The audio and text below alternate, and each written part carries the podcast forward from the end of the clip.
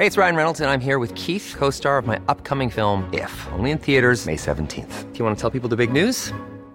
All right, I'll do it. Sign up now and you'll get unlimited for $15 a month in six months of Paramount Plus Essential Plan on us. Mintmobile.com slash switch. Upfront payment of $45 equivalent to $15 per month. Unlimited over 40 gigabytes per month. Face lower speeds. Videos at 480p. Active Mint customers by 531.24 get six months of Paramount Plus Essential Plan. Auto renews after six months. Offer ends May 31st, 2024. Separate Paramount Plus registration required. Terms and conditions apply if rated PG. I'm Sandra, and I'm just the professional your small business was looking for. But you didn't hire me because you didn't use LinkedIn jobs. LinkedIn has professionals you can't find anywhere else, including those who aren't actively looking for a new job but might be open to the perfect role, like me.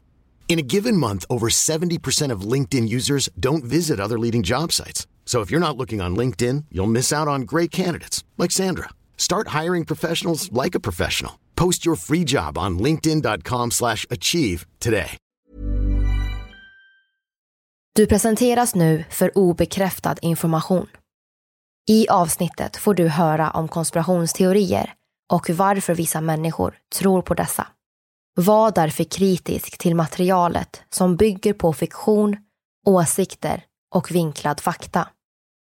Podcasten kan inte ses som en trovärdig källa. I dagens avsnitt berättas om teorier kring världens undergång. Vi uppmanar känsliga lyssnare att stänga av avsnittet.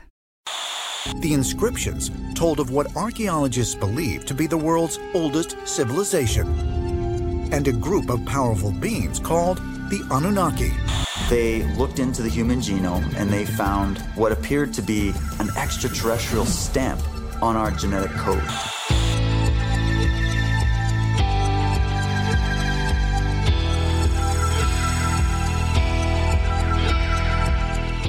Du lyssnar på konspirationsteorier. En podcast med mig, Vivi. Och mig, Aida. Och det här är en annan sida av historien om Anunnakis återkomst.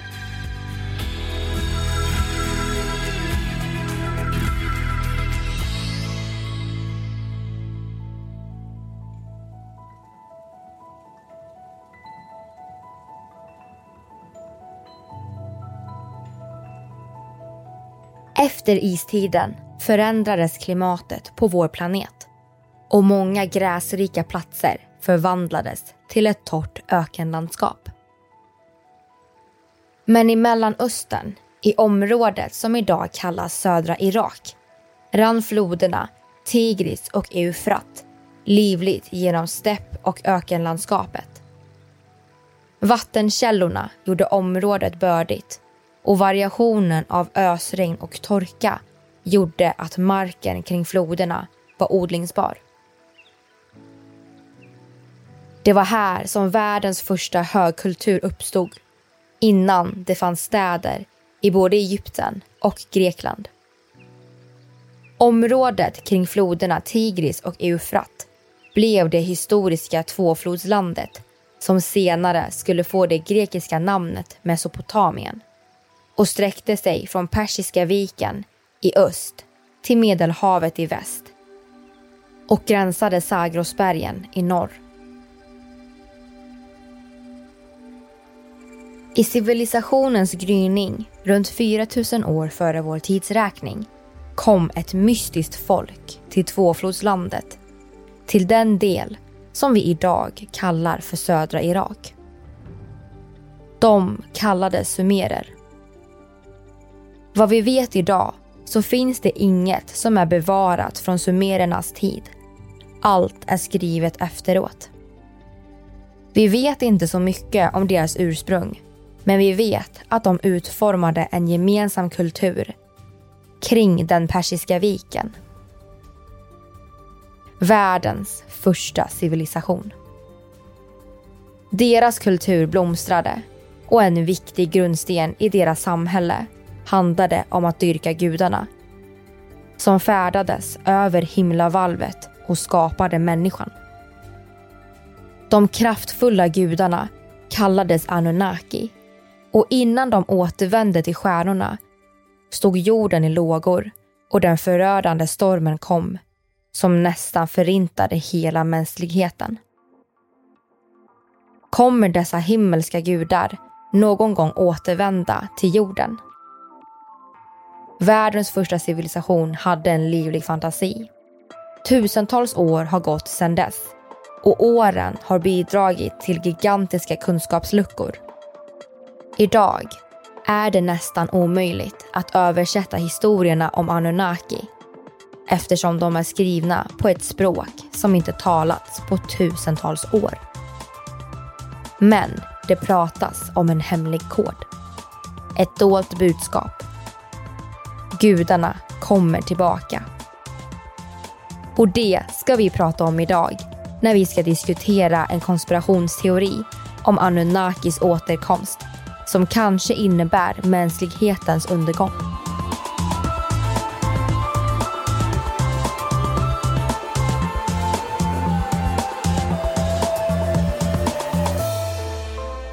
Det här är en podcast för dig som är intresserad av en annan version av verkligheten.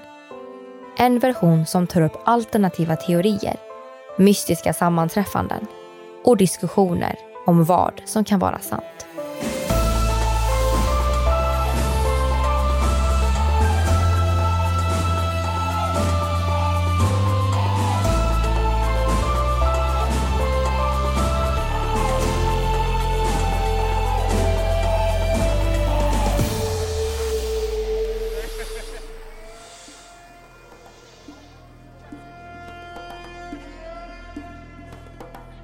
När det mystiska folket kom till Mesopotamien började de utforma en gemensam kultur kring Persiska viken. Små byar blev till större städer och floderna Tigris och Eufrat nyttjades för en livlig handel. Området kallades Sumer och det var en grupp stadsstater där varje stad leddes av prästkungar med ett politiskt, religiöst och militärt ansvar för stan. Befolkningen i Sumer växte och invånarna spreds över hela Mesopotamien. Men civilisationen i Mesopotamien utvecklades inte som ett enat rike utan delas upp i ett antal kulturer namngivna efter de orter där de bodde. Till en början levde de som fredliga grannar, sida vid sida. Men sen började de strida mot varann om makten över området. Och Sumer var inte det enda mäktiga riket i Mesopotamien. Till slut erövrades Sumer av deras grannar i norr, akaderna. Och så skulle det fortsätta. Mesopotamien har varit hem åt andra mäktiga kulturområden som Akadiska imperiet, Babyloniska och Assyriska riket som alla dominerade området vid olika tidsperioder efter sumererna. Det vi vet är att den sumeriska civilisationen hade ett starkt inflytande på de andra civilisationerna. Och man kan känna igen sumerernas mytologiska berättelser i många legender under senare civilisationer. Vi vet att det akadiska imperiet beundrade sumererna och kopierade och vidareutvecklade deras kultur och mytologi när de invaderade riket och sumererna föll. Den akadiska kulturen och mytologin hade sedan ett starkt inflytande på den babyloniska som i sin tur även låg som förebild för den assyriska.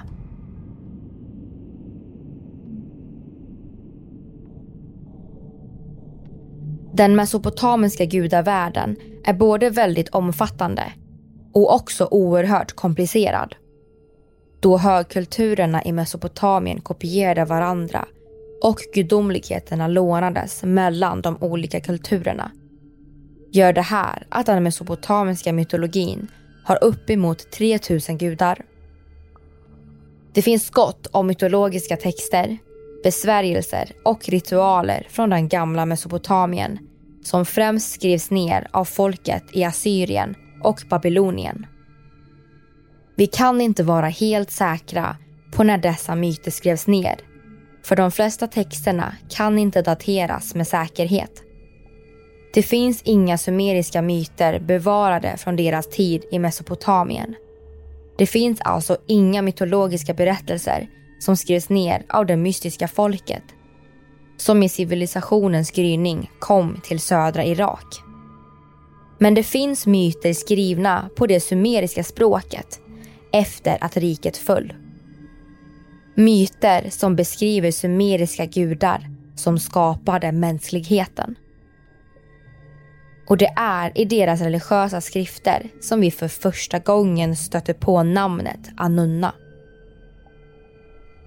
Det finns en lertavla som varit särskilt viktig.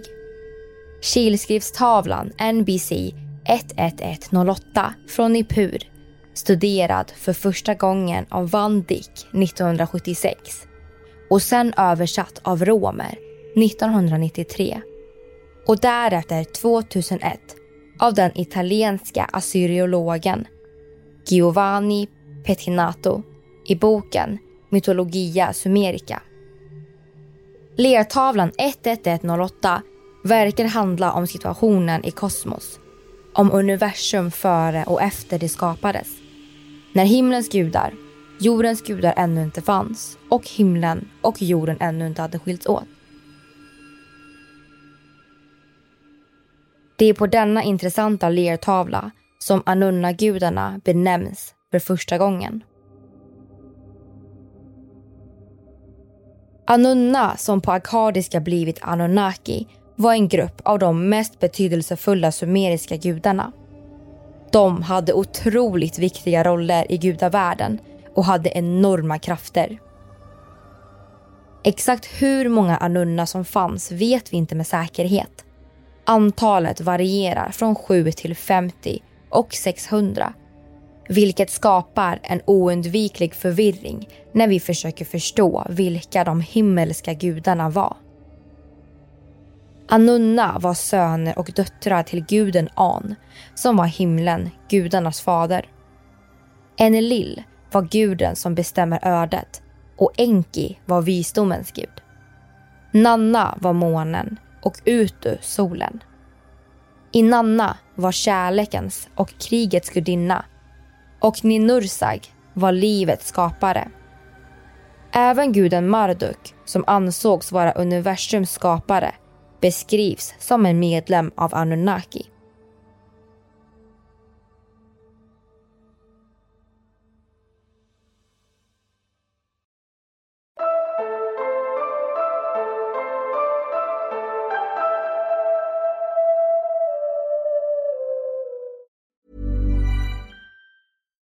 If you're looking for plump lips that last, you need to know about Juvederm lip fillers. With Juvederm Volbella XC and Juvederm Ultra XC, your lip look, whether it's subtle or bold, can last up to one full year with optimal treatment and no additional maintenance. Find a licensed specialist and see if it's right for you at juvederm.com today. That's J U V E D E R M.com. Add fullness to lips in adults over 21 with Juvederm Volbella XC or Juvederm Ultra XC. Do not use if you have severe allergies or a history of severe allergic reactions, or if you're allergic to lidocaine or the proteins used in Juvederm. Tell your doctor if you have a history of scarring or taking medicines that decrease the body's immune response or that can prolong bleeding. Common side effects include injection site redness, swelling, pain, tenderness, firmness, lumps, bumps, bruising, discoloration, or itching. As with all fillers, there's a rare risk of unintentional injection into a blood vessel, which can cause vision abnormalities, blindness, stroke, temporary scabs, or scarring. For full important safety information, visit juvederm.com.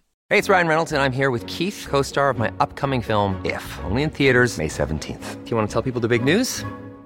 All right, I'll do it. Sign up now and you'll get unlimited for $15 a month in six months of Paramount Plus Essential Plan on us. Mintmobile.com slash switch. Upfront payment of $45 equivalent to $15 per month. Unlimited over 40 gigabytes per month. Face lower speeds. Videos at 480p. Active Mint customers by 531.24 get six months of Paramount Plus Essential Plan. Auto renews after six months. Offer ends May 31st, 2024. Separate Paramount Plus registration required. Terms and conditions apply if rated PG. Hiring for your small business? If you're not looking for professionals on LinkedIn, you're looking in the wrong place. That's like looking for your car keys in a fish tank. LinkedIn helps you hire professionals you can't find anywhere else, even those who aren't actively searching for a new job but might be open to the perfect role. In a given month, over 70% of LinkedIn users don't even visit other leading job sites. So start looking in the right place. With LinkedIn, you can hire professionals like a professional. Post your free job on linkedin.com slash achieve today.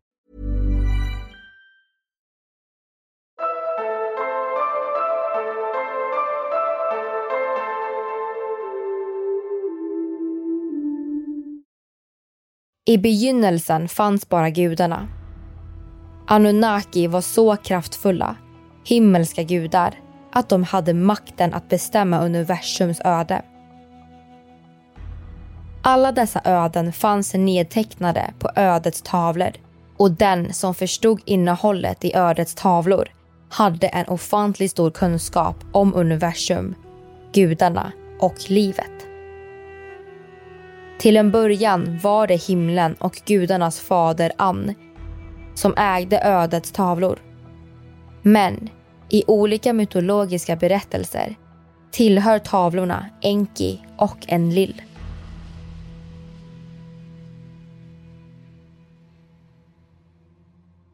Anunnaki återfinns i alla Mesopotamiens civilisationer och de hade en viktig roll i skapandet av människa och jord. Den centrala skapelseberättelsen i Mesopotamien heter Enuma Elish. Enuma Elish beskriver världens uppkomst från den manliga guden Apsu och den kvinnliga gudinnan Tiamat som sen födde en ny generation gudar. An, Enlil och Enki. I begynnelsen fanns bara gudarna. Och genom maktkamper så övervann de goda det onda. Guden Marduk övervann rivalen Tiamat. Genom att klyva gudinnan i tu skapades himlavalvet och jorden. Människan skapades genom att skulptera kött och blod från Tiamats make vars uppgift var att arbeta åt gudarna. I den sumeriska berättelsen berättas istället att gudarna bodde på jorden och arbetade med att sköta om dem. Men arbetet var tungt så de skapade människan vars uppgift var att förse gudarna med mat, bruka jorden och ägna sig åt djurskötsel. Sen återvände de till stjärnorna. Litar gudarna på att vi upprätthåller den gudomliga världsordningen i deras frånvaro?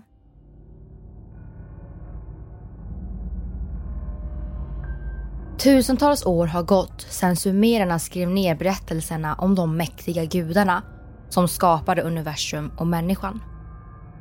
Och åren har bidragit till gigantiska kunskapsluckor. Idag är texterna nästan omöjliga att översätta för det finns ingen förklarande text som kan hjälpa till att tolka dem.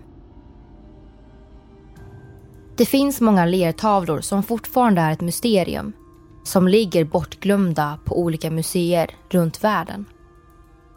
Men invånarna i det antika Mesopotamien var skickliga konstnärer vilket har gjort att eftervärlden fått ta del av berättelserna om Anunnaki.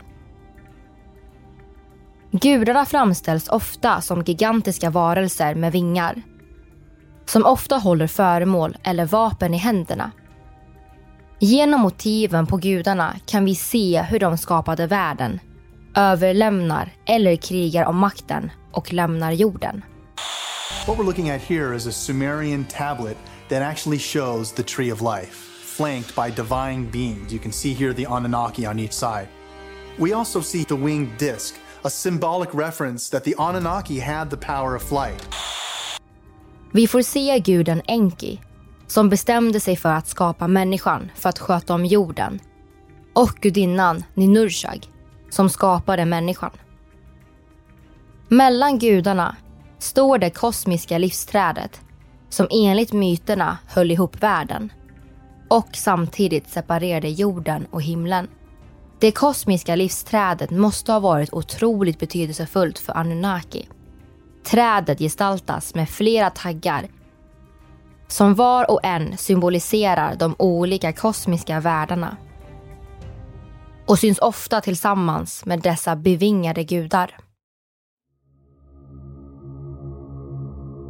Vi vet inte vart ifrån de mesopotamiska konstnärerna fick sin inspiration. Men det intressanta är att DNAs grundstruktur är en dubbelspiral och det går inte att ta miste på likheterna mellan dubbelspiralen och det kosmiska trädet. De mesopotamiska motiven på gudarna som skapade mänskligheten får därmed en helt ny spännande betydelse. Försökte de mesopotamiska konstnärerna bildligt berätta historien när gudarna skapade mänskligheten? När de tillverkade vårt DNA? Vi vet inte vartifrån de mesopotamiska konstnärerna fick sin inspiration. Men att världens första civilisationer lyckas pricka rätt på detta är helt otroligt. Låt oss anta att Anunnaki faktiskt skapade människan i sin avbild. Det innebär i så fall att den mänskliga rasens DNA är en genetisk kod som vi fått från gudarna. Det betyder kanske att gudarna har makten att styra över våra öden. På riktigt. Vill man förändra en levande varelses uppbyggnad så måste man ändra på basernas ordningsföljd i DNAet. Man skulle kunna ändra ögonfärg och bota ärftliga sjukdomar. I olika texter och beskrivningar har Anunnaki använts med dubbel betydelse. Stora himmelska gudar och underjordens stora gudar. På ett sätt som onda och goda. Makten som dessa himmelska gudar besitter låter därmed rätt obehaglig. För det betyder att gudarna kan bestämma sig för att forma en ny, förbättrad art. Och i så fall kan mänskligheten vara i fara. De mesopotamiska skapelseberättelserna om Anunnaki berättar att gudarna inte var nöjda med människan. Gudarna ledsnade och utrotade nästan hela mänskligheten genom ett storm och åskväder. En översvämning som vi idag känner igen som syndafloden. Sen återvände gudarna till stjärnorna. Och sen dess har de inte haft någon kontakt med oss. Och nu tror allt fler och fler människor att gudarna kommer tillbaka.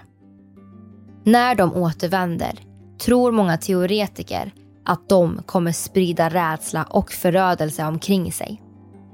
Eftersom Anunnaki har skapat oss och därmed har kontroll över vårt DNA så ligger vi rätt risigt till. Vill gudarna använda oss för något arbete igen? Likt förra gången de var här? Eller vill de rensa jorden från mänskligheten för gott? So could this be evidence that just as these advanced extraterrestrial civilizations may have programmed us humans? Så vad som händer med oss, ja, det vet vi inte. Men det kanske vi snart märker.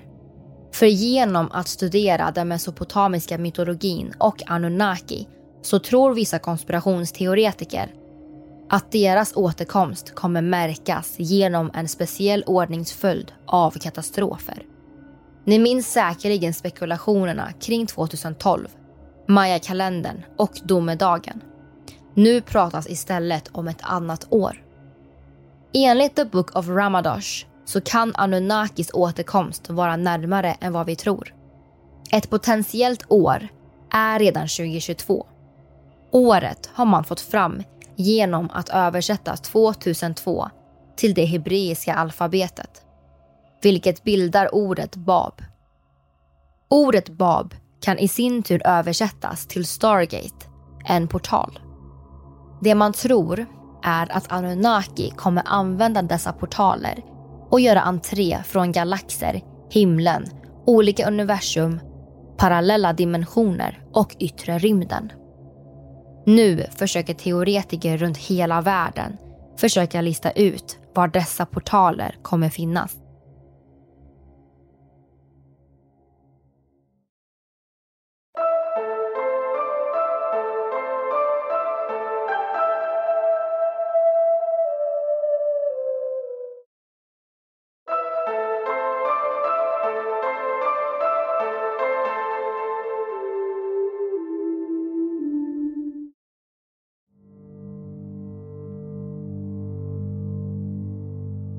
Sumererna dyrkade gudarna från världsrymden som färdades över himlavalvet i eldskepp och kom till jorden för att befrukta människan. För att sen återvända till stjärnorna. Det är spännande att spekulera kring världens första civilisation och deras berättelser om de mäktiga Anunnaki. Och framförallt så blir det ännu mer spännande eftersom vi inte vet varifrån sumererna kom innan de utvecklade ett högkulturellt samhälle i Mesopotamien. Men tar man hänsyn till civilisationens avancerade kunskaper och betydelsefulla uppfinningar så kanske det faktiskt inte är omöjligt att deras religiösa system har mer sanning i sig än vad vi tror. Om det finns en liten chans att Anunnaki skapade mänsklighetens DNA så kanske vi borde fortsätta analysera deras religiösa system och gestaltningar på gudarna.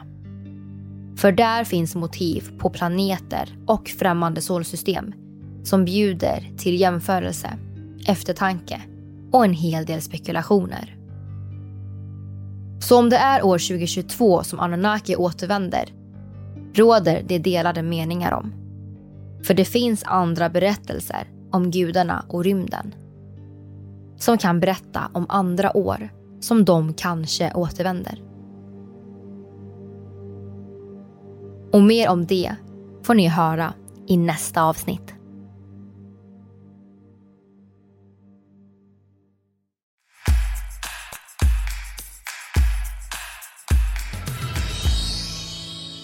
Hej allihopa och välkomna till en ny diskussion. Mitt namn är Vivi. Och mitt namn är Aida.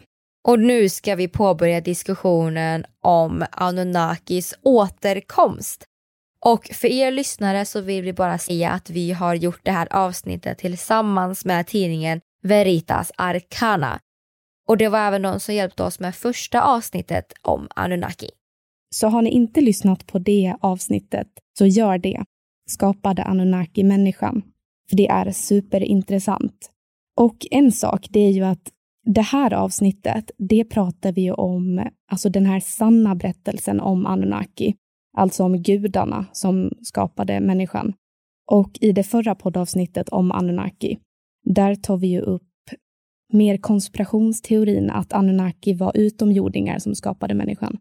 Så ni hänger med på skillnaden då mellan dessa. Alltså Anunnaki är ju min favoritkonspiration jag tycker verkligen att det är kul att man får höra en annan sida av vad det här med Anunnaki faktiskt kan vara och vad som sägs och vad skrivningarna faktiskt säger enligt forskare.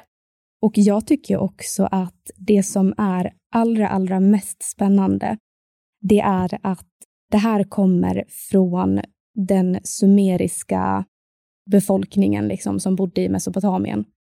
Och de var så, så tekniskt duktiga och kom på uppfinningar som vi använder fortfarande idag.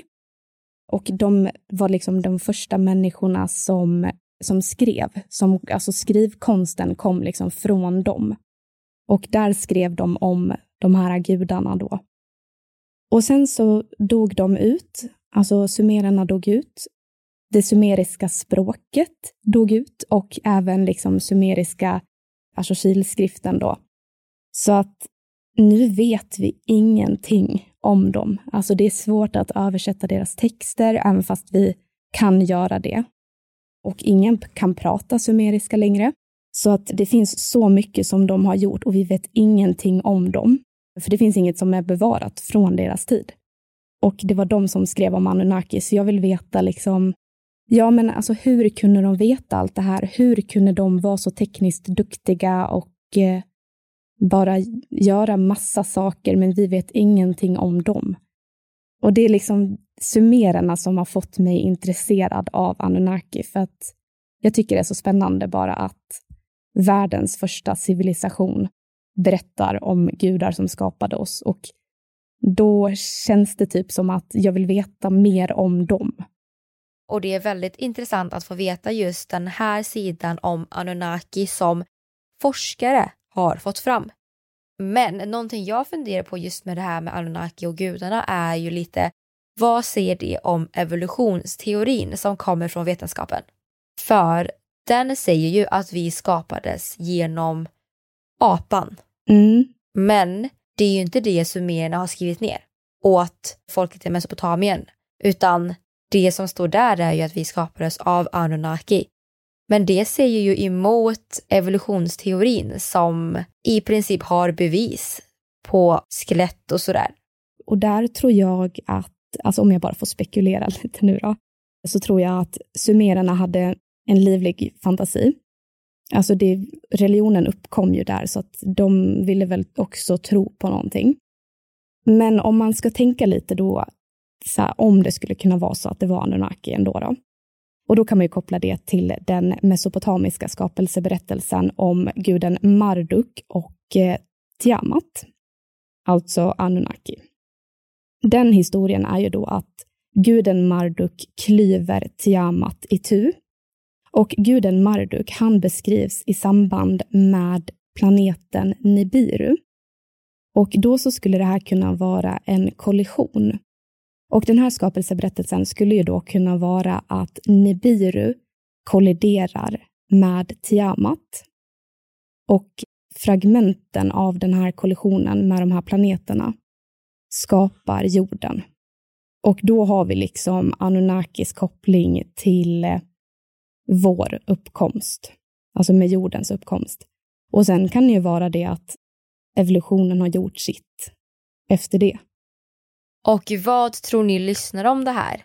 Håller ni med om Aidas spekulation eller inte? Det får ni jättegärna skriva till oss på konspirationsteorier eftersnack på Facebook.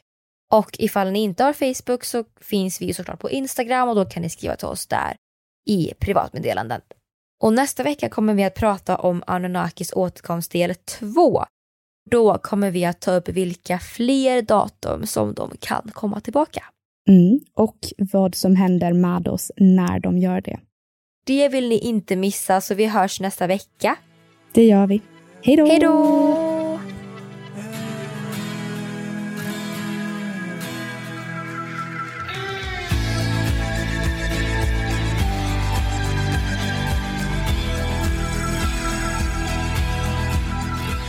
Du har lyssnat på podden Konspirationsteorier som gjordes hösten 2020. Vi som har gjort programmet heter Vivian Lee och Aida Engvall tillsammans med redigerare Jenny Olli. Källorna hittar du på Facebook.